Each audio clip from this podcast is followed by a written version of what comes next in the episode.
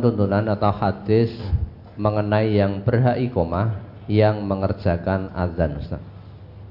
Memang ada hadisnya. Orang yang ikomah itu adalah orang yang azan. Dalam hadis riwayat Ibnu Majah Juz 1 halaman 237 nomor hadis 717 dari As-Sudai An Ziyad bin Haris As-Sudai qala.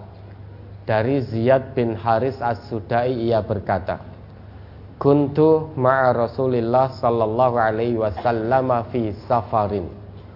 Dahulu aku pernah safar bersama Nabi.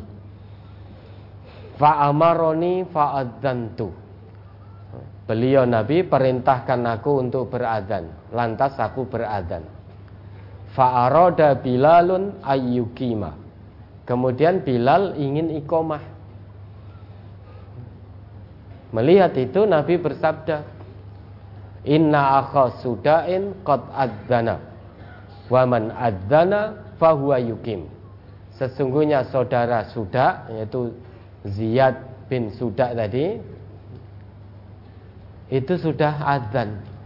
Waman adzana fahuwa yukim. Barang siapa yang beradzan maka dia yang ikomah. Jadi memang ada hadisnya orang yang adzan dia mengumandangkan adzan maka dia yang ikomah. Ya, ada lagi.